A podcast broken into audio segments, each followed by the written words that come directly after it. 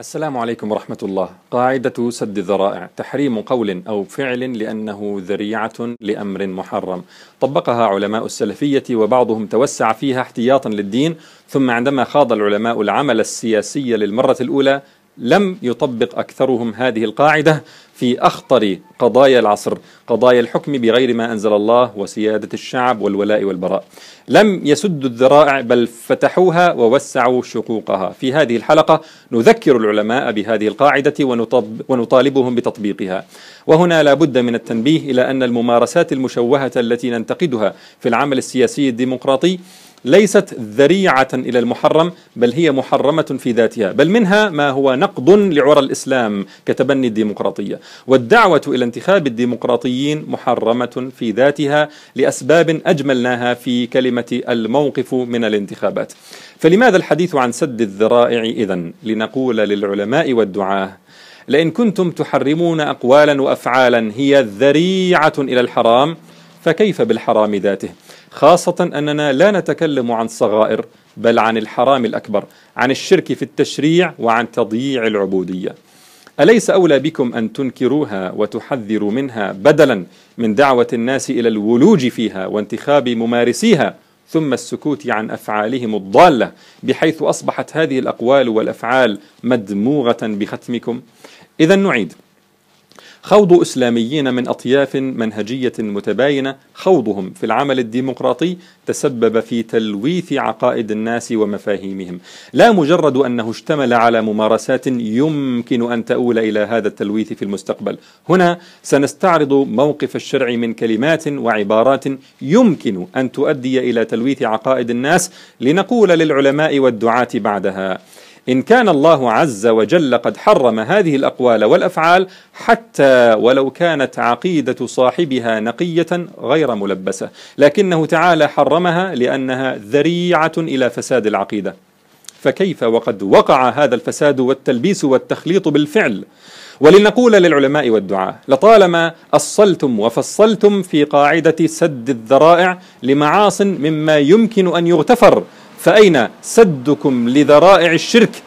الشرك الذي لا يغتفر في مسائل الديمقراطية وسيادة الشعب والحكم والتشريع. سمى الله رسوله عبدا في أشرف المقامات وهذا فيه سد لذريعة المغالاة في تعظيم النبي حيث يعلم أن غاية ما يصل إليه إنسان من مراتب العظمة هو العبودية لله.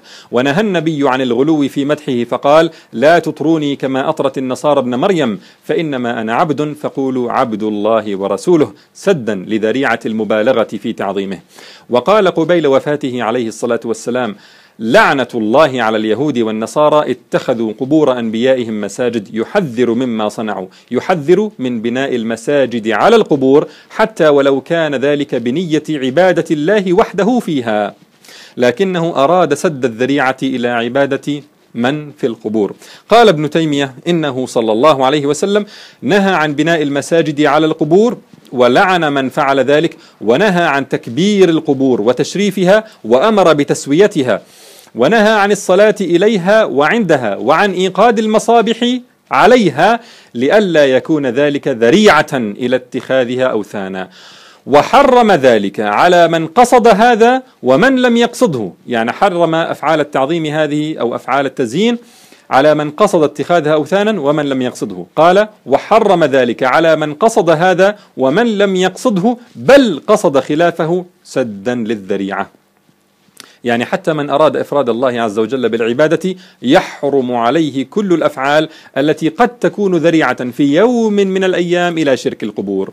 ونهى النبي صلى الله عليه وسلم عن الصلاة بعد العصر وبعد الفجر سدا لذريعة التشبه بالمشركين الذين كانوا يسجدون للشمس في هذين الوقتين مع أن هذا التشبه كما قال ابن القيم لا يكاد يخطر ببال المصلي. فليس من المسلمين من يخطر بباله إن صلى في هذين الوقتين مشابهة الكفار. لكن رسول الله صلى الله عليه وسلم أراد سد ذريعة المشابهة بالكلية ونذر رجل على عهده صلى الله عليه وسلم أن ينحر إبلا ببوانة موضع. فقال النبي صلى الله عليه وسلم هل كان فيها يعني في بوانة وثن من أوثان الجاهلية يعبد؟ قالوا لا. قال هل كان فيها عيد من أعيادهم؟ قالوا لا. فأمره, فأمره النبي أن يوفي بنذره. لاحظ هل كان فيها قديما وليس الآن؟ كل هذا سدا لذريعة عودة الشرك.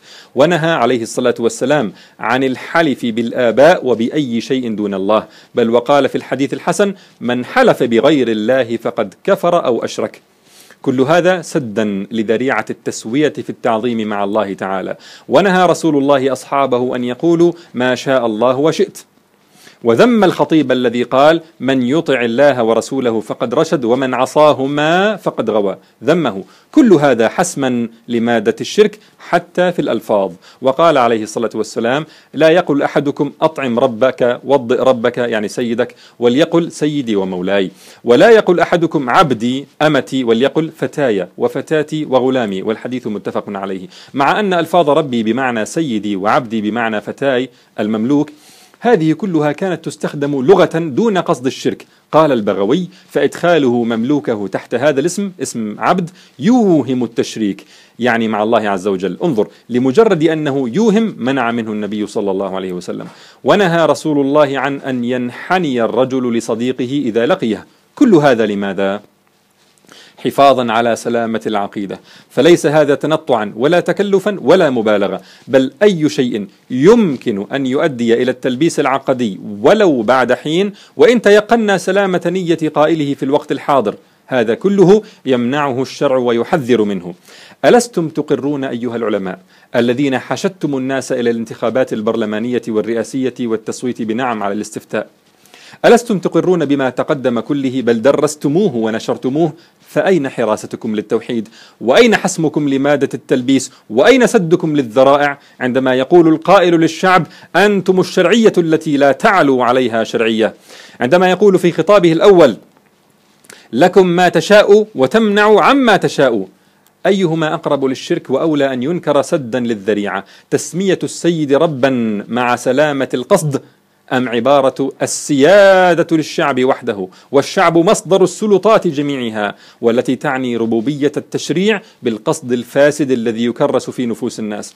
أيهما أقرب للشرك وأولى أن ينكر سدا للذريعة؟ إضاءة المصابيح على القبور أم عبارات التعظيم للدستور الوضعي والقسم على احترامه؟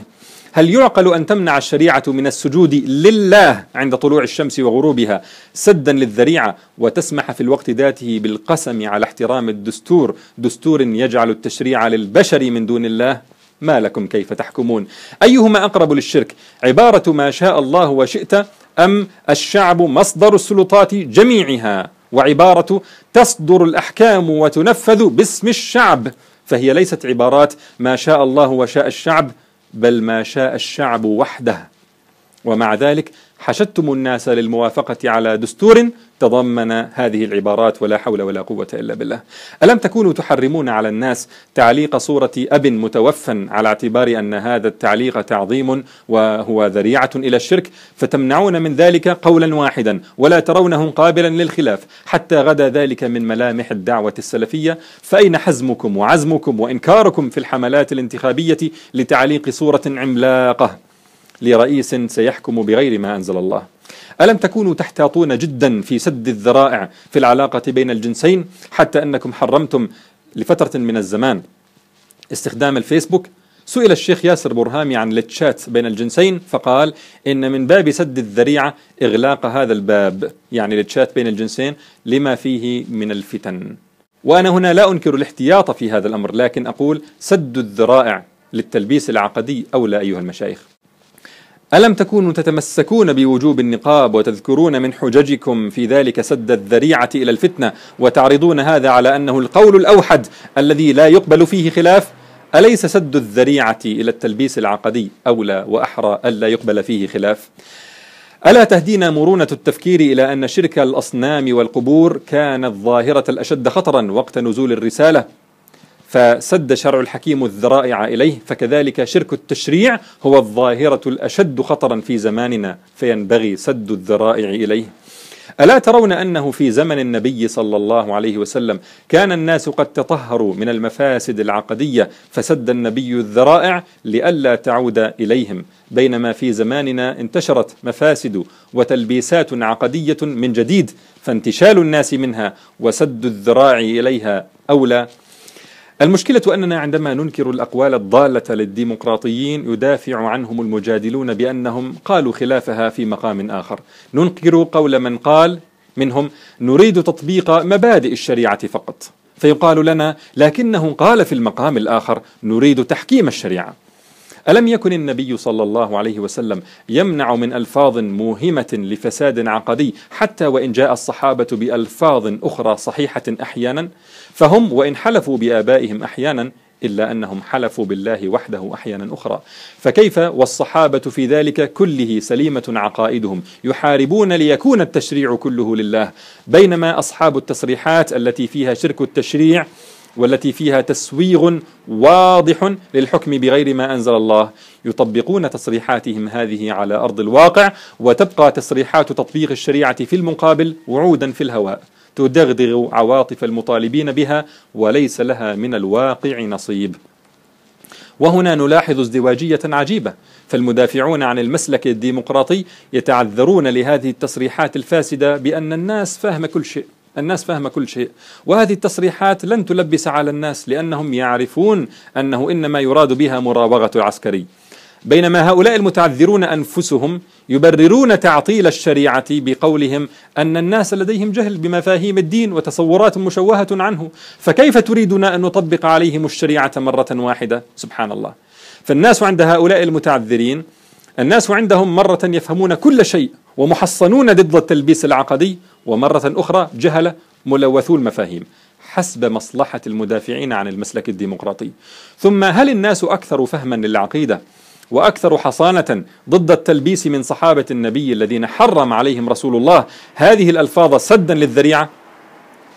خلاصة الأمر أن سالكي المسار الديمقراطي لم يفشلوا في سد الذرائع إلى شرك التشريع فحسب بل صرحوا تصريحات فيها شرك تشريع واضح وفيها تسويغ للحكم بغير ما أنزل الله ثم ها نحن نرى هذه التصريحات تطبق على أرض الواقع. ليست مشكلتنا أنهم قالوا ما شاء الله وشاء الشعب بل قالوا ما شاء الشعب وحده ثم لم يكن هذا سوء تعبير جبره الواقع بل قناعة آتت ثمارها الخبيثة في مفاهيم الناس وفي منظومة الحكم والتشريع.